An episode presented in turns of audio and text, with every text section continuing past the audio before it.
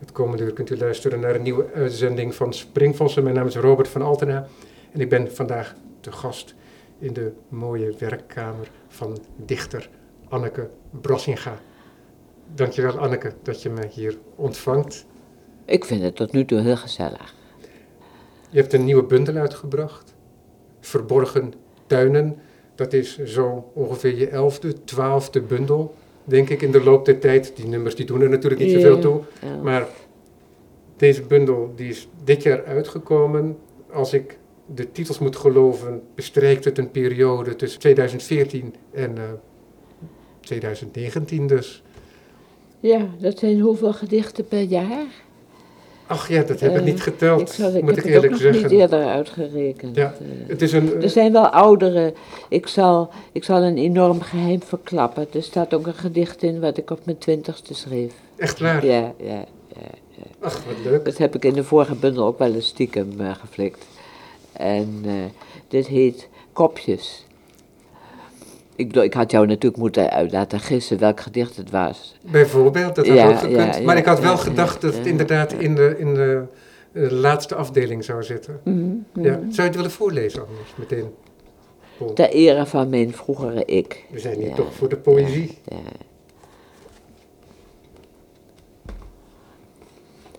Kopjes. Er draait iets rond door mijn buik, zegt M. En ik vertel haar dat in mijn hoofd mist hangt. En P heeft een ijzeren band om zijn hersenpan.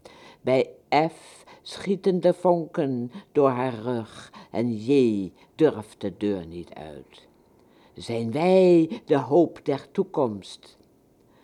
Bij mij op zolder woont een kluizenaar. Mijn moeder is ook gek. Mijn oom heeft een hartkwaal. Mijn zuster schopt haar kind. En meneer Hans ligt in het ziekenhuis omdat hij snurkt en stinkt. En dan ken ik nog een dronkaard met bevende handen. Gaat het zo in de wereld toe? Iedereen heeft ruzie of droefheid en gooit met kopjes. Daarom, Heer, geef mij een gat in de grond. Prachtig. Je kan ook best horen dat het iets van uh, uh, jeugd, uh, wanhoop in zich Maar tegelijkertijd alle kwalen die opgezomd worden, die verbind je toch niet met de jeugd, alle last. nee, daarom was het ook paradoxaal om jong te zijn en toch heel erg te lijden. Ja. Ook onder waar de ja. andere mensen onder leden. Ja. Mooi. Ja, en hoe komt dat zo, dat, je, dat dat gedicht dan weer boven komt? Um, nou, het zwerft altijd door mijn papieren. En, Want hoe is dat georganiseerd dan? Ja, gewoon, ik heb van die mappen, die koop je bij de, bij de Gebroeders Winter, folioformaat. En daar kun je heel veel A4'tjes in kwijt.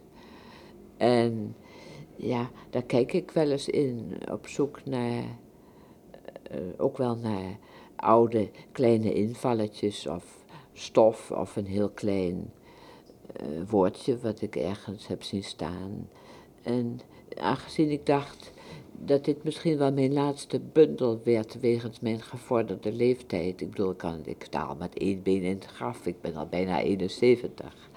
Dus ik dacht, laat ik dit maar bewaren voor, voor de mensen van later. Als ik het niet erin had gezet, dan was het misschien helemaal voorgoed uh, perdu geweest. Hè? Zo ongeveer was mijn idee. Ach. En hoe ouder je wordt, hoe brutaler je wordt. Dus ja, ja, ja. Dat is toch iets van een bevrijding dan? Ja, zeker. Ja, ja. Ervaar je dat ook zo als dichter? Ja, ik geloof het wel. Ik, mijn regels worden steeds langer. En ik, ik, had, ik had bij het schrijven van dit wel een gevoel. Uh, ik ga me door niets of niemand laten weerhouden. Ook niet door de zelfcensuur of nu. En dus ik heb ook heel veel dingen opgeschreven die gewoon zich in mijn uh, brein uh, hoorbaar maakten, zonder dat ik ze echt. Ik bedoel, je kan enorm zoeken naar een formulering, maar je kan soms ook wachten tot iets je invalt als regel. En dan schrijf je dat op. En dan kun je altijd toch achteraf daar eindeloos aan gaan schuren en schaven en polijsten. Niet, niet omdat, het, omdat het nog niet precies genoeg is doorgekomen of zoiets. En dat schrijf je dan op de elektrische schrijfmachine die ik achter je op het bureau zie staan? Mm, nou, ik moet altijd eerlijk zijn, dus deze bundel is ook de eerste die ik helemaal op een scherm heb geschreven. Maakt het dat anders? Een computer. Dat maakt het anders. Dat licht, het blauwe licht wat uit zo'n computer komt, dat heeft iets, ja, eh, iets ruimtelijks. Hè? Uh, dus, dus daarin lijkt hoe dan ook alles wat je opschrijft al heel erg mooi. Het is natuurlijk een beetje erg figuratief, maar... Maar jouw ehm, kritische oog is toch wel zo getraind? Mijn kritische oog is genadeloos, ja. Bovendien draai ik alles uit. Dus dan kun je het wel zien. En ervaar je dat dan ook daadwerkelijk als heel anders als het eenmaal uitgedraaid is? Uh, ja, natuurlijk. Dan betrap je jezelf op... Uh, ja... Uh, dat het, dat het gaat klonteren en dat het niet, dat de mens, dat het niet, ja, goh, Maar is het dichten voor jou anders nu je dan op scherm hebt geschreven? Um, ja, het is geloof ik meer parlando, het zijn meer volzinnen. Of klets ik nou onzin? Het lijkt mij dat het meer uh, uh, syntactisch ordentelijk loopt. Dus dat mensen het ook zelf kunnen horen als iemand die wat vertelt. Ah, op die manier. Ja, dus dat het minder. Het, is, het zeggen, laat minder te raden over, doordat het, doordat vroeger, het was altijd heel compact wat ik opschreef, geloof ik. Ja, en nu is, het dat wat, is wel zo. Nu is het wat meer alsof ik in een leunstoel zit en zeg: Een olifant ontwaakt en zijn hiernamaals van ivoren toetsen. Zo, ja, Moet ik een voorbeeld uit een andere bundel uh, Oh ja, dat is leuk, dat is altijd leuk. Er staat hier naast ons een, prachtige kast met allerlei werk. Ik zie ook heel veel Jean-Paul staan. Ja, dat ja, eh, zie je niet vaak. Nee, ik ben nog steeds aan het proberen om een vertaling af te krijgen van het boek Vlegeljaren. Maar dat is zo euforisch barok van taal dat het enige moeite kost om die zinnen in elkaar te brengen. Je voelt je ongehinderd, hè, ook in het vertalen, want je vertaalt uit het Frans. Ja, het Duits. Engels, Engels Duits. Ja, ja, ja. Nou, dat is heel bescheiden. Ik, ik kan niet uit het Fins vertalen en ook niet uit het Swahili, Urdu, Japans enzovoort. Dus dat valt wel mee hoor. En dan heb je nu in je handen die bundel die uitgekomen is met al je tot dan toe verschenen bundels. In 2010 was dat, meen ik, hè, bij gelegenheid van het uitreiken van de PC Hoofdprijs. 2015. 2015, ja. ja. Nou, hier is een gedicht Puin, dat begint... Asteroïdenwind, met stevast laatste woorden gemompeld als eerste. Microbeklontering. Dus volgens mij is er toch een verschil in toon. Dus ja, hoe dat zich in de verdere ionen van mijn leven zal ontwikkelen. En is het dan zo dat wat je zojuist voorleest, dat daar heel veel omheen is weggehaald? En dat dit geïsoleerd is? Of dat dit... Ehm, dat kan ik me niet zo goed herinneren, maar ik geloof het eigenlijk niet. Nee. Nee. Zou je dan een gedicht willen voorlezen uh, die, die, zoals je dan zelf hebt het hebt gekarakteriseerd, zojuist parlando-toon heeft. want je hebt al natuurlijk één zin uh, uit je hoofd uh, voorgedragen, maar misschien is het heel leuk dan om een heel gedicht te doen. Welke wil je? Tja, um, even kijken welke heeft het. Want ik heb nu Tuin der Lusten nou nemen, die heeft dat misschien iets minder, of nou, die heeft dat ook wel, denk ik.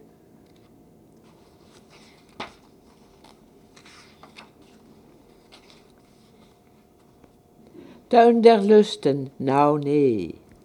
Het veld van de heilige appelbomen is de plaats waar de God huist in zijn wereld, haar huwt.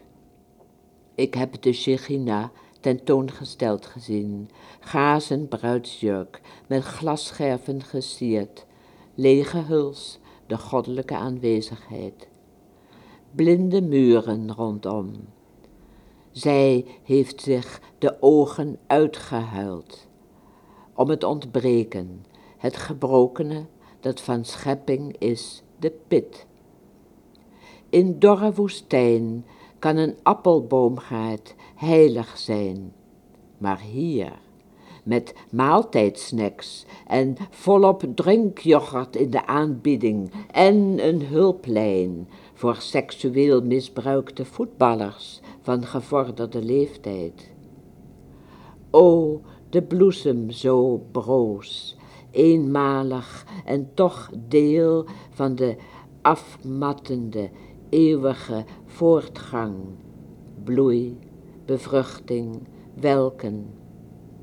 Iets van de God zelf, van de God zelf verbannen, maakt in hem afgrond. Daarom schrijdt zij nu al de Shechina, terwijl het scheppen nog beginnen moet, met straks in het aardse paradijs. Bijvoorbeeld die ene appelboom, spil van de wervelwind, Gods adem die ons uit zal werpen.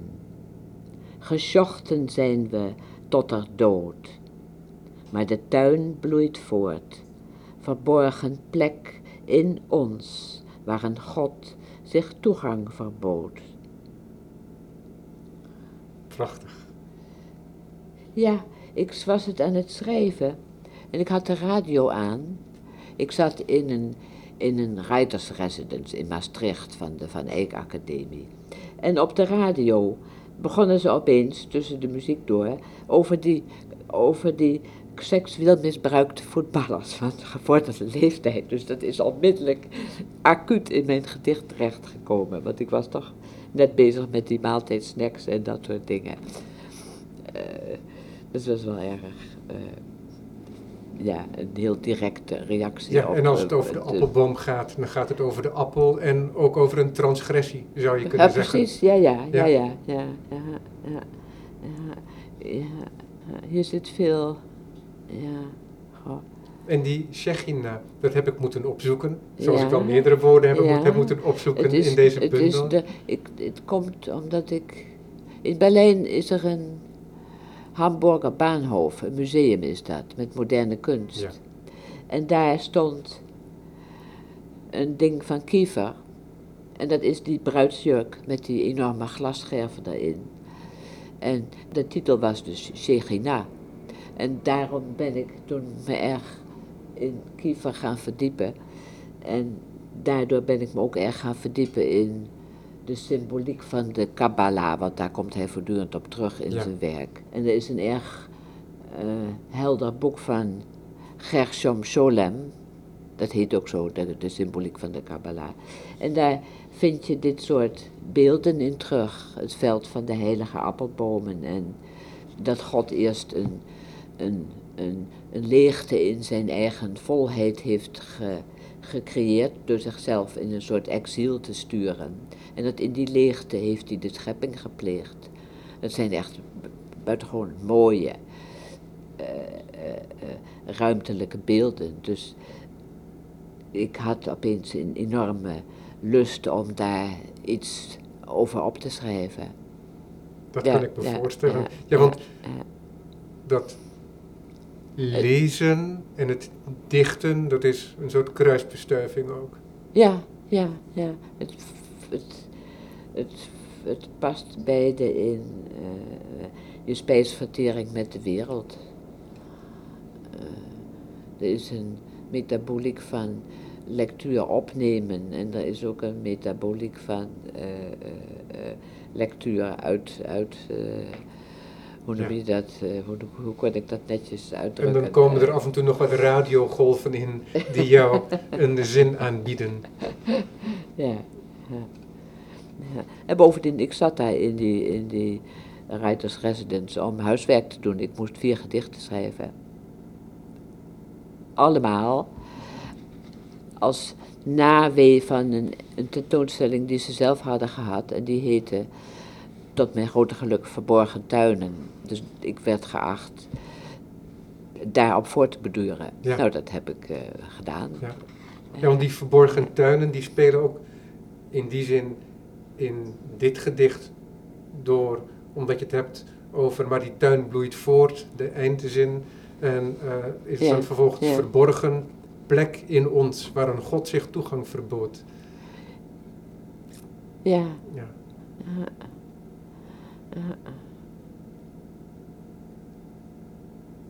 Het is een raar beeld, maar het past ook wel bij de, eh, eh, bij de Joodse mystiek dat de God onkenbaar blijft. Ja, want dat speelt, Dus dan, hij- hij- want die onkenbaarheid en het niets, dus het, het negatieve beeld zou je kunnen Ja, zeggen, ja, dat ja. ehm, echoot door verschillende dichten in deze bundel, Ja, heb ik gemerkt. op de een of andere manier vind ik dat een heel prettige gedachte. Ja, dan hoeven we ons ook niet te bekommeren om, eh, eh, ja, eh, ik bedoel, dan kunnen we onze morele voorschriften op een ander iets baseren, namelijk op onze eigen interactie. Ja. ja, en het raakt ook Ja, direct de taal en het denken over taal, denk ik. En dan kom je automatisch bij Mallarmé uit.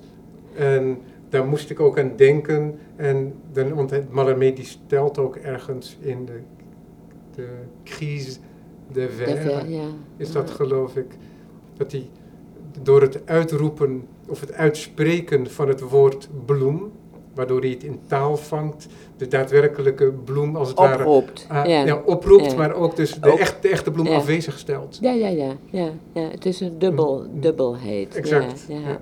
En dat, dat wordt ook geactiveerd, die eh, manier van denken in jouw bundel. Dat hoop ik. Ja, dat zou ik leuk vinden, want dan, dan krijgt het allemaal ook iets eh, transparants misschien. Eh, niet, dan is het minder. eh, ja, dan is het, erg, dan is, dan is het, het, anekdotische minder belangrijk dan dat je iets met taal voelt. Klinkt een beetje lullig, maar ja.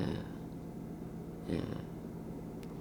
Zo'n periode aan de Jan van Eyck Academie, hoe lang duurt dat? Eh, niet zo heel lang hoor. Dus dit was drie weken of een maand, zoiets. Eh, En dan ben je dus uit je habitat even. je bent in, zo, in een soort ballingschap, ja, eenzame opsluiting. Ja. Ja. Heel, heel eh, eh, prettig, want je, niemand valt je lastig. Eh, uiteindelijk heb ik eh, de directeur Jelex de Braak mijn gedichten voorgelegd. Want ik vond het toch wel leuk om ze aan niemand te laten lezen. En die had toen een paar hele zinnige opmerkingen die ik onmiddellijk eh, gebruikt heb. Hoe is dat schrijven dan in zo'n ballingschap? Maakt dat dat anders? Nou, je, wordt, je, je, hebt niet meer, je, bent, je bent gerechtvaardigd om een gedicht te schrijven, want dat wordt van je verwacht. En je staat tegelijk voor het blok van, eh, nu, nu, nu moet er iets komen. Nou, maar daar ben jij toch niet meer van onder de indruk? Daar blijf je altijd van onder de indruk. Ik herinner me. Het is heel moeilijk hoor, een Ja. gedicht schrijven. Ik bedoel... Oh, ehm, ehm, wacht. ehm, Nee, maar ik eh, wil het tegendeel beweren. Nee, maar ik herinner mij dat ik een middag heb bijgewoond waarin jij werd ondervraagd door eh, Wim Brands. En dat was in een klein zaaltje in de Jordaan. in de Jordaan. Ja. Daardoor is ook altijd een zinsnede in mijn hoofd blijven hangen die toen in mij opkwam. En dat is Annekes gezederde visgraat jasje. Dat heb ik nog. Ja, dat was gemaakt door een zus van Jeroen Henneman. Ach, Ja, de kunstenaar. Ja, ja, ja, ja. Ja, dat is een mooi jasje. Het hangt nu in de kast. En weet je waarom ik daaraan moest denken? Nee. Omdat er zoveel vogels en veren in deze bundel voorkomen. Ah, is dat zo? Ja. ja, ja. Ik En ook vogels die ik helemaal niet ken, een kneu. Oh, maar een kneu bestaat hoor. hè. Nee, dat weet ik, Een klein zaadetertje. Ja, Maar dat heb ik ook moeten zoeken. Ja, ja, ja. Oh, leuk, leuk, leuk, leuk. Ja, Natuurlijk Ja, ook ja, duiven. En, eh, en mussen, maar ook een kneu. Dus. Mm, En mm. veel veren. Veel veren. Ja, ik heb er een paar genoteerd hier hoor. Ah, noem me de veren. Oh, er is ook een woffer trouwens. Ja, dat is echt een. Dat heb ik, ik heb een 18e eeuws vogelgidsje van 10 kilo. Dat is echt enorm. Ja, diminutief mag er dan wel vanaf. eh, daar heb ik het wouwaapje de, de, ge- gevonden en die heet daar Woffer. Ja. En- Maar het staat nog in Vandalen. Zacht verende vederbosjes, pluimlicht. Oké, Met dat- de ja. vlechten werden x vleugels afgeknipt. Nochtans, verstijfdheid blijft tijdens zweefvlucht. veerstijfheid. Ja, veerstijfheid, pardon, ja. ja. Zomaar wat voorbeelden dan. Ja, dat komt misschien eigenlijk wel voort uit een gedicht eh, over, of bij of aan Jacques Vogelaar, die natuurlijk Vogelaar heet. En eh, dat vond ik ontzettend moeilijk om daar een gedicht over te schrijven, had ik iemand beloofd. En eh, dat dat beeld van die vogels die met heel hun lichaam kunnen horen, eh, dat kreeg ik er hier niet in. Dus dat heb ik bewaard en dat, kwam, dat heb ik later in een ander gedicht gestopt. In dat, eh, waar, waar jij het net in gevonden hebt. Ja, precies. Ja, Ja. ja. Ja, misschien is het dan leuk om alle twee de gedichten erbij te halen. Dus dan zou je dan willen voorlezen, eh, gaan blijven aan je vogelaar. Ik denk dat je hem al paraat hebt. Ja. We lieten rozenblaadjes dalen in de aarde, om je toe te dekken met iets zachts. Zon ging achter opentrekkend wolkmassief van rode wintermiddagschemer onder. En ik rookte om dat gloeien vast te houden, denkend aan gedrevenheid bij alles wat zich uitwist, nacht wordt. Net als ijs kan de tijd ook breken. De glazen zwaantjes van jouw woorden vlogen weg en bleven toch, zoals licht dat wit in kleuren breekt, of jij die nu voortvliegen blijft boven de verre, peinzende, hardnekkig onbevroren zee in ons. Die glazen zwaantjes komen uit een boek van Vogelaar, een heel prachtige roman, die heet Weg van de Pijn. Ik weet niet of je het kent. Nee, dat ken ik niet. Maar ik vond het zo mooi. eh, eh, ik heb het niet tussen aanhalingstekens gezet, omdat ik dacht, dat moeten de mensen maar gewoon weten.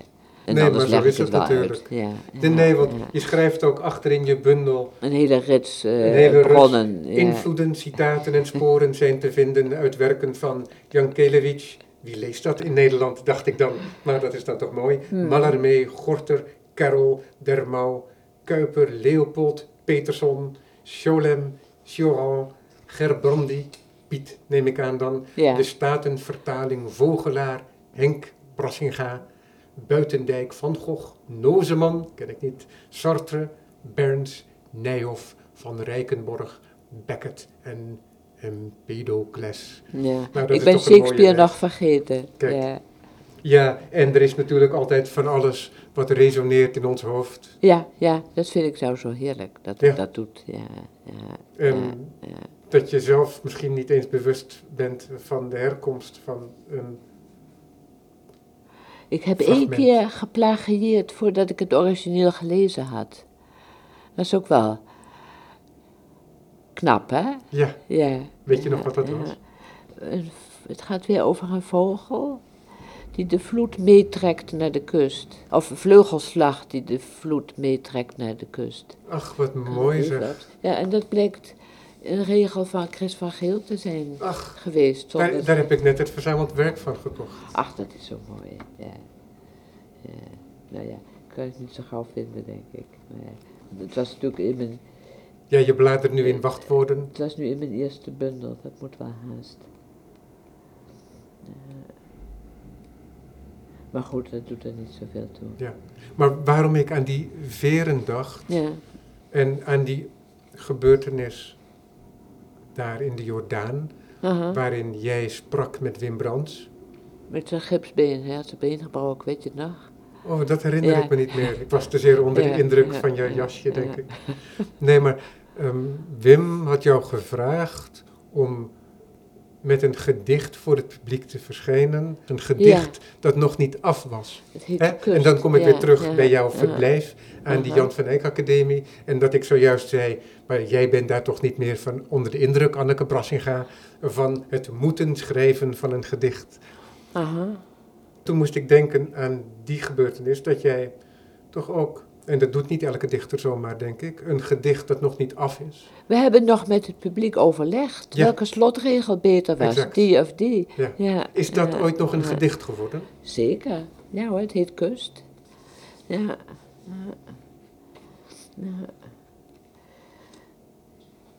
Ik zal het even voorlezen Graag. met je welnemen. Kust.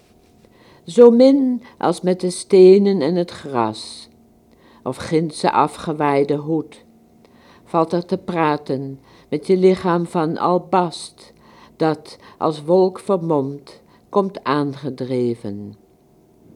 Duizend meeuwen op hun zand, slobberen messenscheden leeg, krakelend. Woorden zijn gruis in een taalloos kabaal.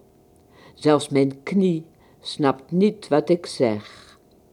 Laat staan dat jij, ver achter de heersende, waterige afgrond, iets ervan zou horen. De zee, een bed vol zijden kwasten, alsof daar ooit nog rust te vinden is. Mooi. Ja, voor mij is het een heel beladen gedicht met iemand die toen aan het sterven was. Maar, eh, ik weet niet meer wat voor variant we be- besproken hebben. Nee, dat Met weet ik ons ook allen. niet meer. Ja. Maar dat deed je dan wel voor een publiek. Oh, Ja, ja, ja. gewoon omdat Wim Brandt zo'n aardige jongen is. En ik had al eerder met hem gewoon impromptu zitten praten in eh, het literaire variété, dat toen misschien nog wel de avonden heette, daar in die studio aan de Amstel, vlakbij eh, de Nes, geloof ik. Nou, vlakbij de Munt, ja. ja. Ja. Ja. Dus, eh, ja, gewoon, voor sommige mensen eh, doe je meer dan voor anderen. Wim, Wim, ja. ja. ja. Verborgen tuinen, Anneke. ja. Dan is het misschien ook een leuk idee om dat andere gedicht, waar ik dan even naar verwees, het bezinkt zich. Dat is een lang gedicht. Ja, Misschien kunnen we de passage erbij halen, want een lang gedicht is dan ook echt, echt een lang gedicht. Want ik heb het ook eh, nog nooit voorgelezen. Drie pagina's. Het is meer een leesgedicht, hè, Ja, denk ik. Ja. Ja.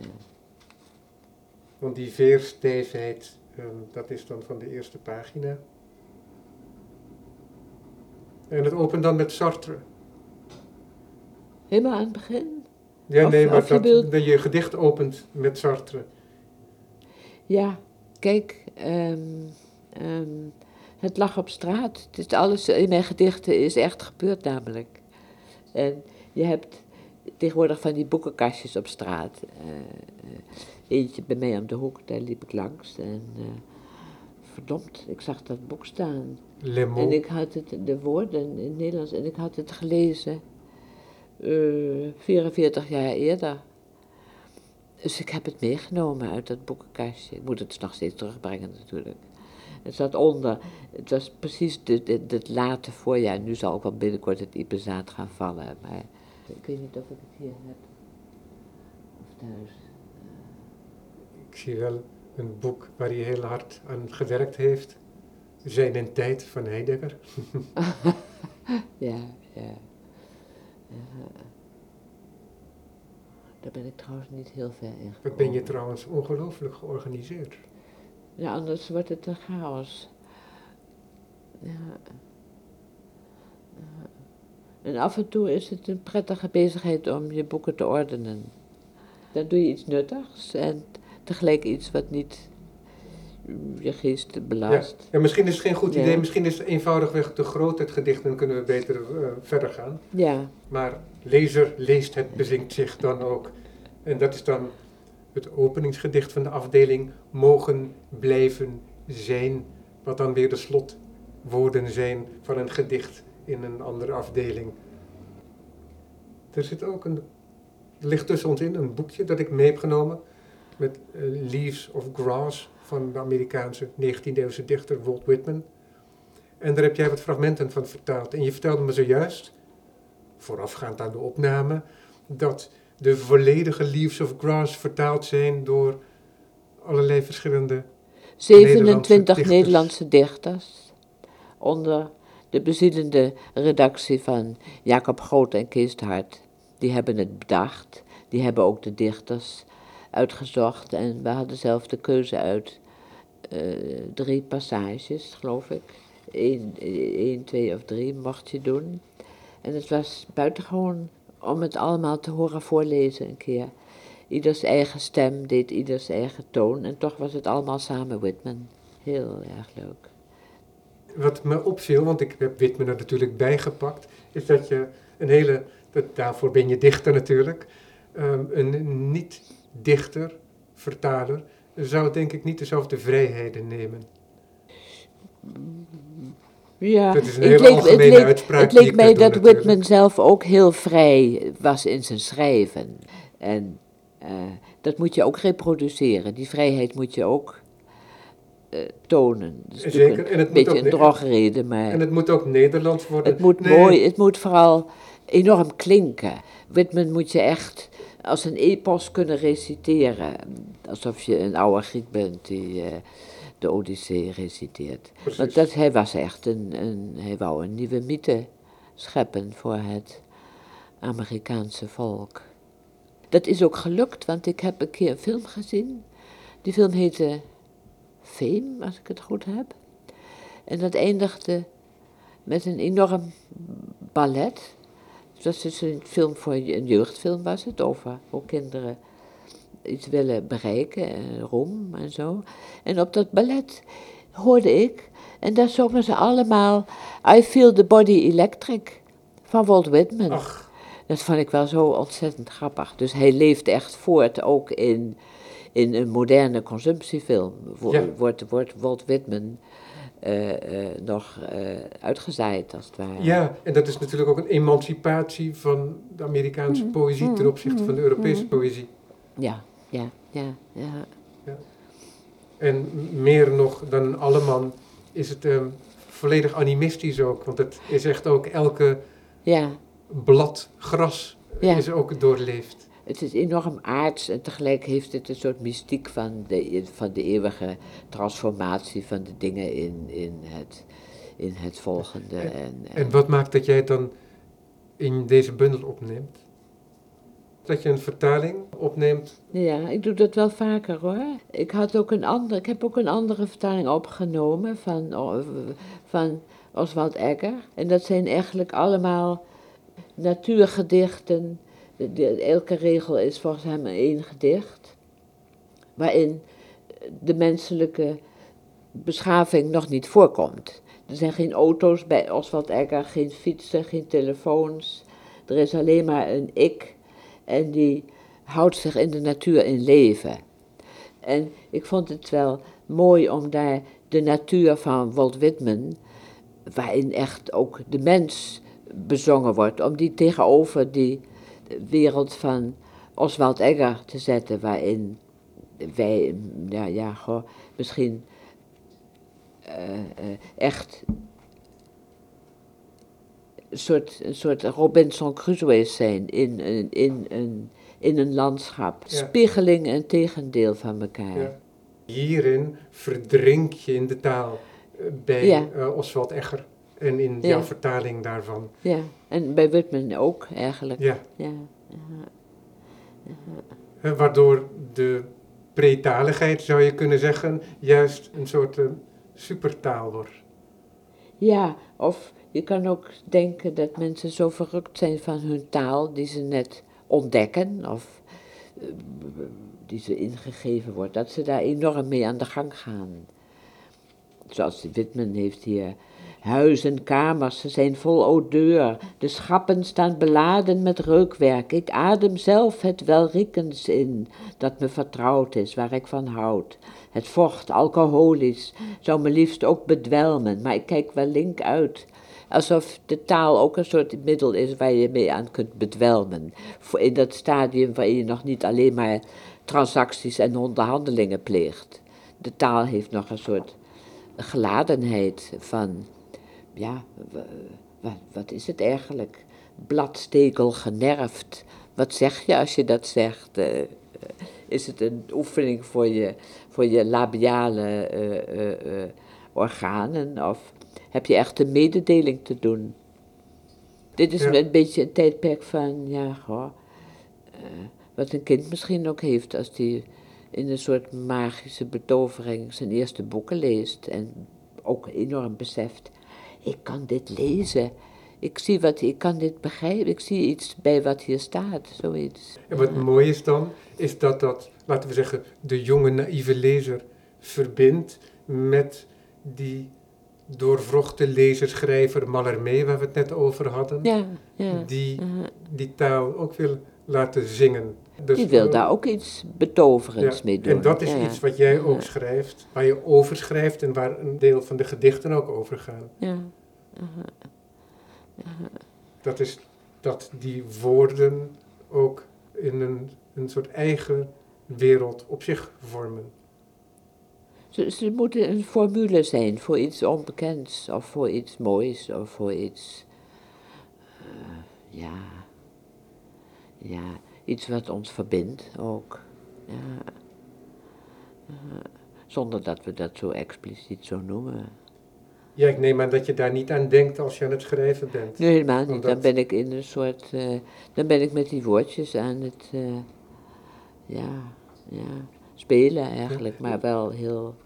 Heel, of ik ben geobsedeerd door iets. Je luistert naar de radio, kennelijk, als je dicht soms? Want, de, want dat gebeurde dan, dat er dan zin, een vrij banale zin uit het nieuws in je gedicht terugkomt. Nou, de, radio was daar ook bedoeld om het denderende verkeerslawaai van de Tongerense weg te horen stemmen. Ja, ja. Maar luister je ook naar muziek? Ik luister heel veel naar muziek, Ook ja, tijdens ja. het schrijven? Ja, graag, ja, ja, ja. Ik vind dat wel, ja. Misschien bij vertalen nog wel meer, maar beschrijven, ja, als je muziek beluistert die je al heel vaak gehoord hebt, hoef je eigenlijk helemaal niet te luisteren. Maar, maar je bent meer in een soort klankpatroon, wat je, wat, je heel, wat je net zo vertrouwd is als het licht wat binnenkomt. Ja. Dus het is een andere vorm van luisteren dan wanneer je echt helemaal je in de muziek stort dan, dan daar, daar schrijf je natuurlijk geen gedicht bij. Dat zou ik wel nee, en je weet natuurlijk ook waar bijzondere momenten zitten en die klinken dan op en daar ben je je dan bewust van. Ja, ja, ja. ja, dat ken ik wel. Ja. Maar het kan niet, lang niet, met alle muziek. Nee, nee, nee. Als ik me slecht kan concentreren, dan zet ik vaak Bach pianomuziek op. Ik ook, Want dat is dan net alsof er een klokwerk gaat lopen die jou ook aandrijft. Dat is voor mij dan zo. Ja, ja, ja. Klaversymbelmuziek is, werkt nog beter misschien. Ja, dat, is dat nog werkt ook heel goed. Uh, abstract bijna. Ja, ja. Nee, want er worden ook wel wat componisten genoemd. Broekner komt langs. Ja. Um, Rachmaninov wordt uitgesproken. Rachmaninov, ja, precies. Uh Zou je dat gedicht willen voorlezen? Aangaande de coherentie van de tastbare geest onder de mensen, zoals verklankt in Broekners zesde symfonie op een oudejaarsavond. Ja.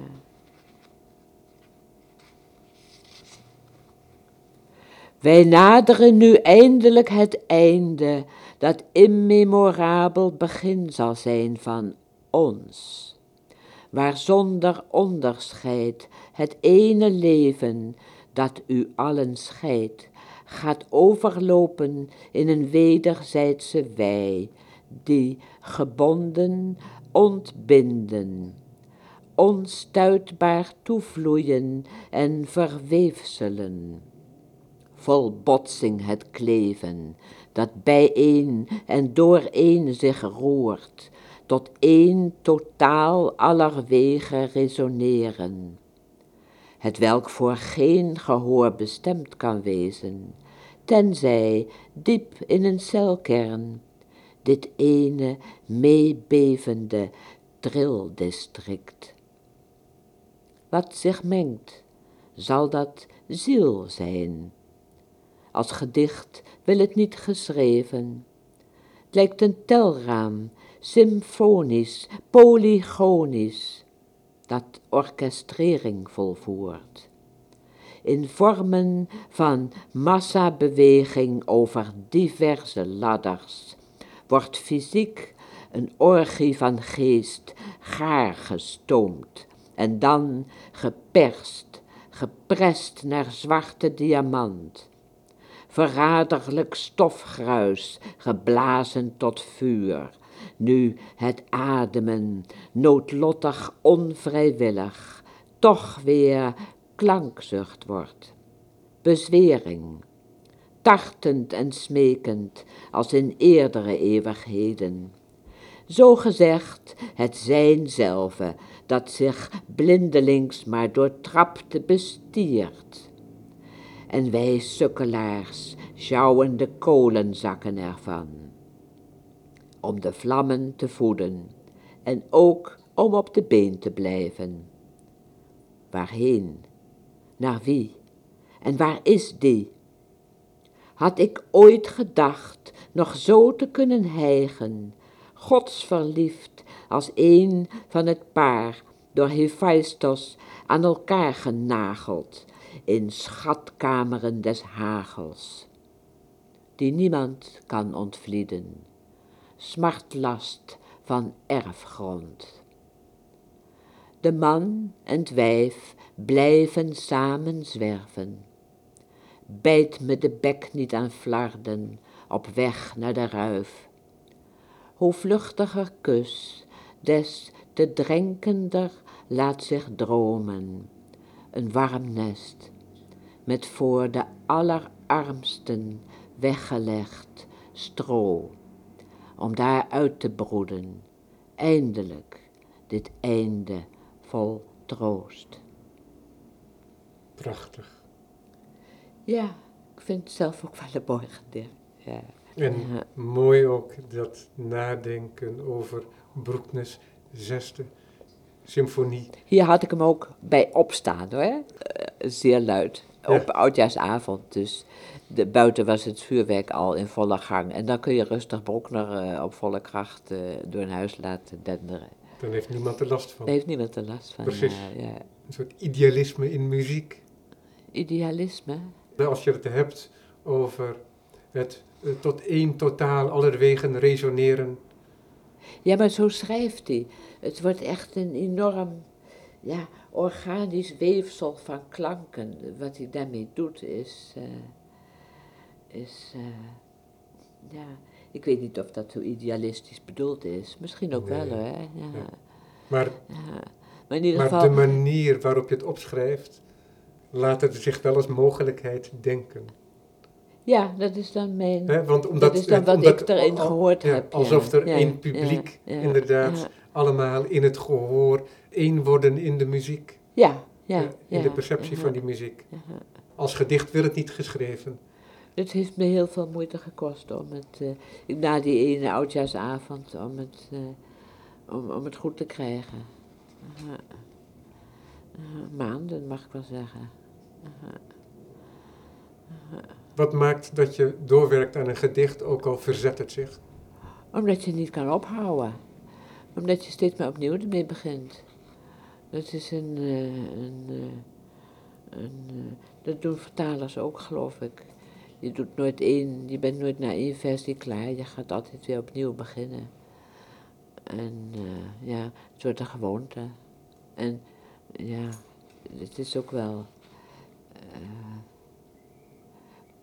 ja, of het nou, het is gewoon een werkwijze. Je kan niet ophouden. Maar is het met elk gedicht zo dat het zich op enig moment verzet? Mm, vaak wel, ja. ja. Ja, is een hele korte. Daar heb ik, ik weet niet hoeveel versies van. En ik ben nog niet helemaal tevreden. Het zijn zes regels.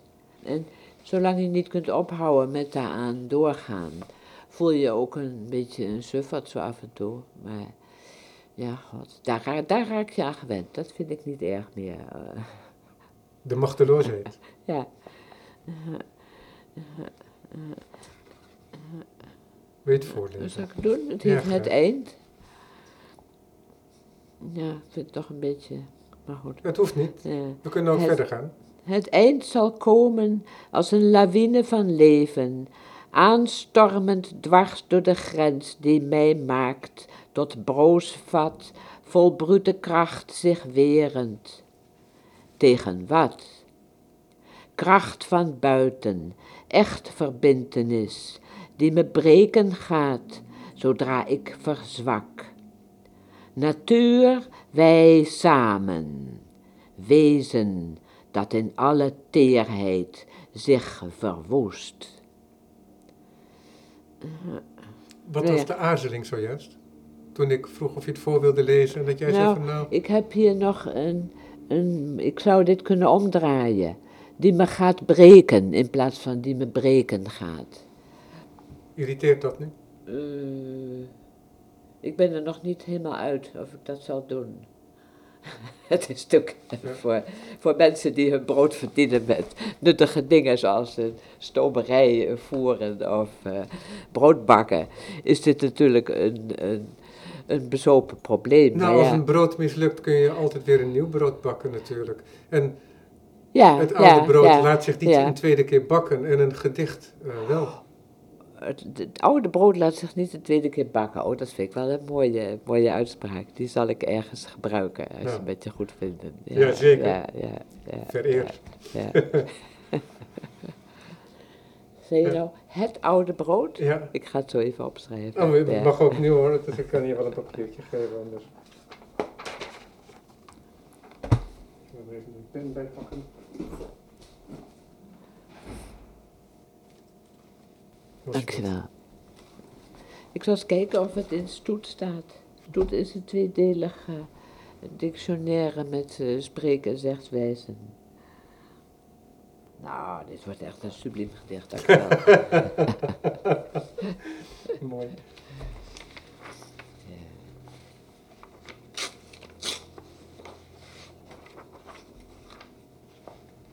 Ja, dus het schaven, het beroemde schaven aan een gedicht en het herschrijven. ja. Ben jij iemand die ook oude gedichten dan, want je bent nu in die bundel die Aha. nog niet zo lang uit is, heb je al wat met potlood geschreven. ik heb al een paar correcties aangebracht. Ja. Zijn dat Ja. dan eh, enkele omkeringen of zijn dat ook hele radicale ingrepen? Nou, hier vind ik dat het woord ik ontbreekt, want ik heb het gevoel dat hier iets niet helemaal duidelijk is, wat ik toch wel duidelijk wil hebben voor de lezer. Zou je het voor willen Ja. lezen? Oei, een heel erg gedicht hoor. Het heet Dwaalgast. Waarom wil ik toch altijd weer zo graag het zijnde zonder attributen zijn? Ik ben zelf namelijk heel kieskeurig en precies. Als zomaar wat bestaans, kom je er bij mij niet in.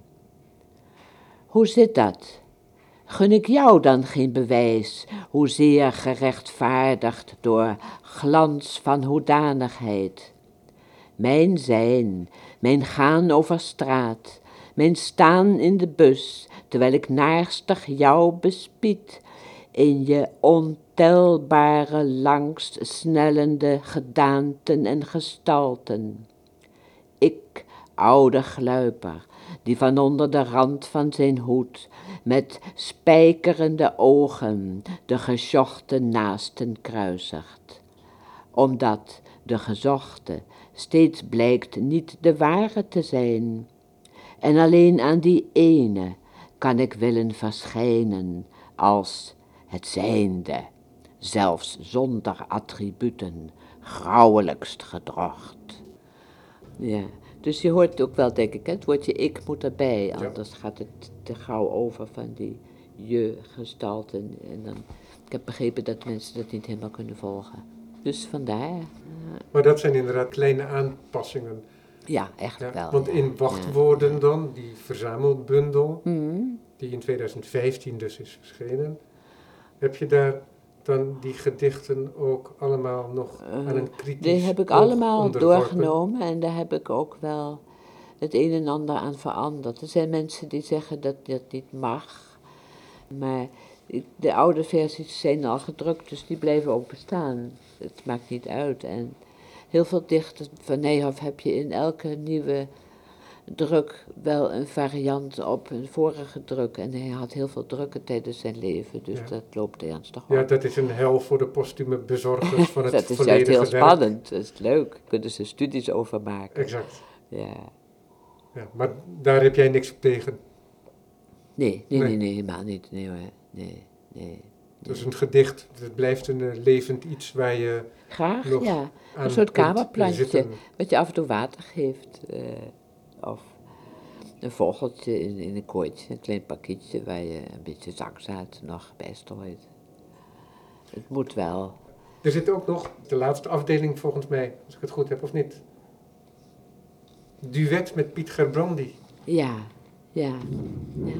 Piet Gerbrandi, die heeft dus Troost in Filosofie van Boetius vertaald. Dat komt binnenkort uit. De presentatie is al geweest als dit gesprek wordt uitgezonden. Maar, Mhm. en ik dacht, misschien moet ik hem daar een keertje over uitnodigen ook. Oh, moet je om zeker daarover doen. te spreken. Ja, het is altijd leuk ja. om met Piet te spreken. Ja, En en, de, en, en troost, de, troost, de troost van de filosofie, of zoals hij het noemt, de troost in filosofie, is echt een, een pracht, prachtig boek. Ja, ik Buitengewoon, las het ja, dus niet. Had jij het al gelezen voor die uitwisseling met Piet? Ik ging het lezen omdat ik in. eh, ik had een gesprek met Piet voor het publiek in Perdu en daartoe had ik ook zijn, alles van hem gelezen. En in zijn laatste bundel had hij eh, motto, vloedlijn- een, motto, een motto van, uit Boetius. En toen dacht ik, dat is hij vast aan het vertalen, want het was, het was niet één motto, het waren er wel drie, vier. Die staan allemaal achterin, hoe heet dat, steencirkels. Steencirkels, dat is zijn Ja, vorige, ja, zijn vorige ja, bundel. Want hij heeft nu Dus- inmiddels uit. ja. Ja. Dus ik ging.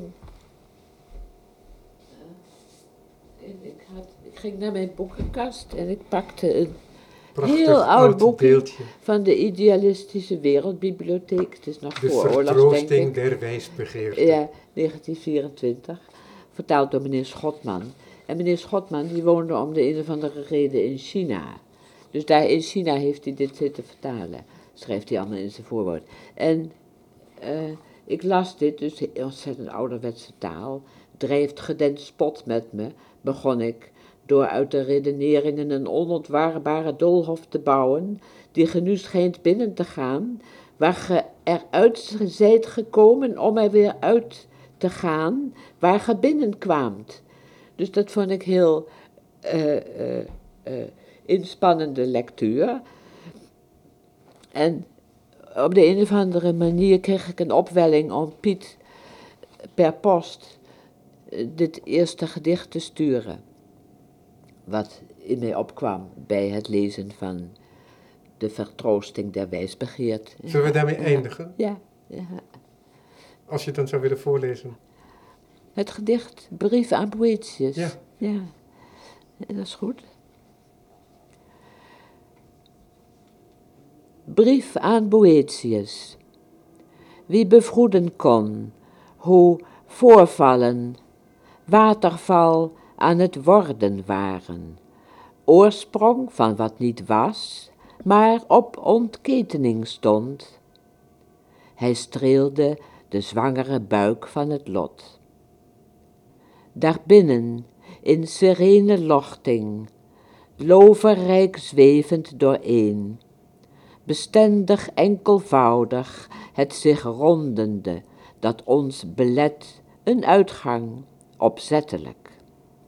Wij hebben te worden uit vrije wil, jij en ik, gekussend, doorgezeten, eenvoetig, opklapbaar, en op luchtigste wijze gewiekst, wiekend ineengeknield, lijfsliefst beloofd om voort te fladderen, kromhalzig naar de warme bocht, pluimlicht, waar naakte poten verdwijnen in zachtverende vederbosjes van woffers die bonzen. Gestulpt, tilbaar op je ene hand, zo onwegend een kei, dat ei van minne het wordt, en snoeihard te werpen, indien arm niet allengs tot vleugel zou strekken. Onze lippen intussen versmeltender, al sappiger snavels getuid hadden om fluitzang en zoen. Voel hoe wij roepen met langende tongenvlammen, de opperst goedertierene zonkomst. Dankjewel, Anneke Brassinga. Ik sprak met Anneke Brassinga over verborgen tuinen, uitgegeven door de BZGB.